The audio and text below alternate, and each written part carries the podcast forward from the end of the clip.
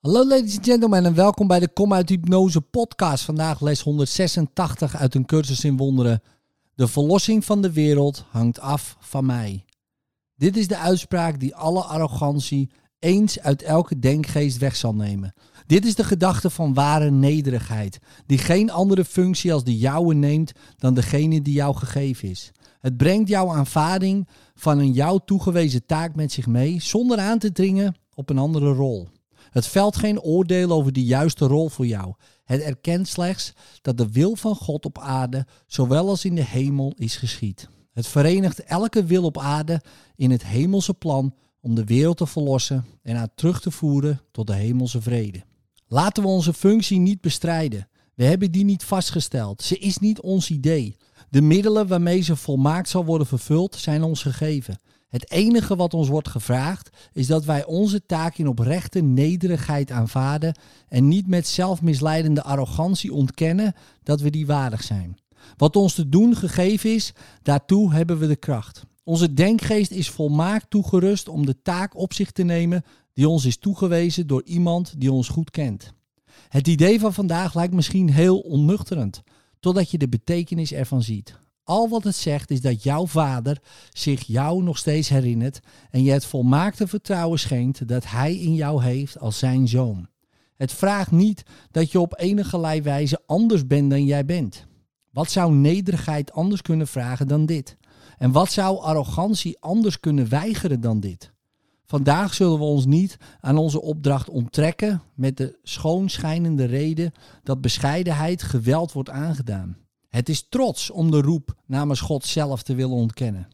Alle valse nederigheid leggen we vandaag naast ons neer, zodat we kunnen luisteren naar Gods stem, die ons onthult wat Hij ons wil laten doen. We twijfelen niet aan onze geschiktheid voor de functie die Hij ons aanbieden zal. We zijn er alleen zeker van dat Hij onze krachten, onze wijsheid en onze heiligheid kent. En als Hij ons waardig acht, dan zijn we dat. Het is slechts arrogantie om er anders over te oordelen. Er is één manier en slechts één om te worden bevrijd uit de gevangenschap die jouw plan om te bewijzen dat het onware waar is jou heeft gebracht. Accepteer in plaats daarvan het plan dat jij niet hebt gemaakt. Oordeel niet over jouw waarde daarvoor. Als Gods stem jou verzekert dat de verlossing jouw aandeel nodig heeft en dat het grote geheel van jou afhankelijk is, wees er dan zeker van dat dit zo is. De hoogmoedigen moeten zich wel vastklampen aan woorden, bang als ze zijn die te overstijgen en niets te ervaren wat hun standpunt zou kunnen tarten. Maar de nederigen zijn vrij om de stem te horen die hun zegt wat ze zijn en wat hun te doen staat. Arrogantie maakt een beeld van jezelf dat niet werkelijk is. Het is dit beeld dat huivert en in doodsangst terugdeinst wanneer de stem namens God jou verzekert dat jij de kracht, de wijsheid en de heiligheid bezit om alle beelden te overstijgen. Jij bent niet zwak, zoals het beeld van jezelf dat is. Jij bent niet onwetend en hulpeloos. Zonde kan de waarheid in jou niet bezoedelen en ellende kan niet dicht bij Gods heilige woning komen. Dit alles verkondigt jou de stem namens God. En terwijl Hij spreekt, siddert het beeld en probeert het de bedreiging die het niet kent aan te vallen, terwijl het zijn fundament voelt afbrokkelen. Laat het los. De verlossing van de wereld hangt af van jou en niet van dit hoopje stof. Wat kan het de heilige zoon van God vertellen? Waarom zou hij, waarom zou hij er zich überhaupt om bekommeren? En zo vinden we onze vrede. We zullen de functie aanvaarden die God ons gegeven heeft. Want alle illusies berusten op de eigenaardige overtuiging dat we voor onszelf en anderen kunnen maken. Onze eigen gemaakte rollen zijn wisselend en lijken te variëren van rouwdrager tot de extatische gelukzaligheid van liefde en liefhebben. We kunnen lachen of huilen en de dag begroeten met open armen of met tranen. Ons diepste wezen schijnt te veranderen wanneer we duizend stemmingswisselingen ervaren en onze emoties ons hoog verheffen of ons in wanhoop neersmakken op de grond. Is dit de zoon van God? Zou hij zo'n instabiliteit kunnen scheppen en dat zoon noemen? Hij die onveranderlijk is, deelt zijn eigenschappen met zijn schepping. Alle beelden die zijn zoon lijkt te maken, hebben geen effect op wat hij is. Ze dwarrelen door zijn denkgeest als door de wind opgewaaide bladeren, die een ogenblik een patroon vormen, uit elkaar vallen, zich hergroeperen en wegvliegen, of als luchtspiegelingen die boven een woestijn worden gezien, oprijzend uit de stof. Deze schimmige beelden zullen verdwijnen en je denkgeest onbeneveld en sereen achterlaten wanneer jij de functie accepteert die jou gegeven is. De beelden die je maakt laten alleen tegenstrijdige doelen ontstaan die vergankelijk en vaag, onzeker en meerduidig zijn. Wie zou standvastig in zijn pogingen kunnen zijn en zijn energie en geconcentreerde volharding op zulke doelen kunnen richten? De functies die de wereld hoogacht zijn zo onzeker dat ze op hun zekerst minstens 10 keer per uur veranderen. Welke hoop is er dat er bij zulke doelen iets kan worden gewonnen?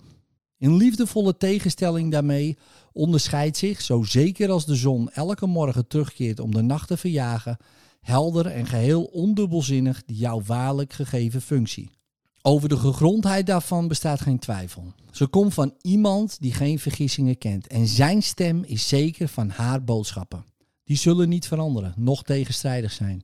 Ze wijzen alle naar één doel, één dat jij kunt bereiken. Jouw plan is misschien onmogelijk, maar dat van God kan nooit mislukken, omdat het in Hem zijn oorsprong vindt. Doe zoals Gods stem aangeeft. En als die iets van jou vraagt wat onmogelijk lijkt, denk er dan aan wie het is die vraagt en wie het is die weigert. Overweeg dan dit. Wie heeft het meest waarschijnlijk bij het rechte eind? De stem die namens de schepper van alle dingen spreekt, die alle dingen precies kent zoals ze zijn, of een vervormd beeld van jezelf, verward, onthutst, onsamenhangend en onzeker van alles? Laat je niet leiden door die stem. Hoor in plaats daarvan een zekere stem die jou vertelt van een functie die jou gegeven is door jouw schepper. Die zich jou herinnert en jou aanspoort dat jij je hem nu herinnert. Zijn zachte stem roept vanuit het gekende naar de onwetende. Hij wil jou troosten, ook al kent hij geen droefheid. Hij wil een teruggave verlenen, ook al is hij compleet. Een gave aan jou, ook al weet hij dat jij alles al hebt. Hij heeft gedachten die een antwoord zijn op elke behoefte die zijn zoon bespeurt, ook al ziet hij ze niet. Want liefde moet geven. En wat in zijn naam wordt gegeven, neemt die vorm aan welke in een wereld van vormen het meest bruikbaar is. Dit zijn de vormen die nooit kunnen misleiden omdat ze uit vormloosheid zelf voortkomen. Vergeving is een aardse vorm van liefde die, zoals in de hemel bestaat, geen vorm bezit. Maar wat hier nodig is, wordt hier gegeven zoals het nodig is. In deze vorm kun je zelfs hier je functie vervullen, hoewel wat liefde voor je zal betekenen, hoewel wat liefde voor je zal betekenen wanneer vormloosheid jou teruggegeven is, nog groter is. De verlossing van de wereld hangt af van jou die kan vergeven. Dat is jouw functie hier. In liefde, tot morgen.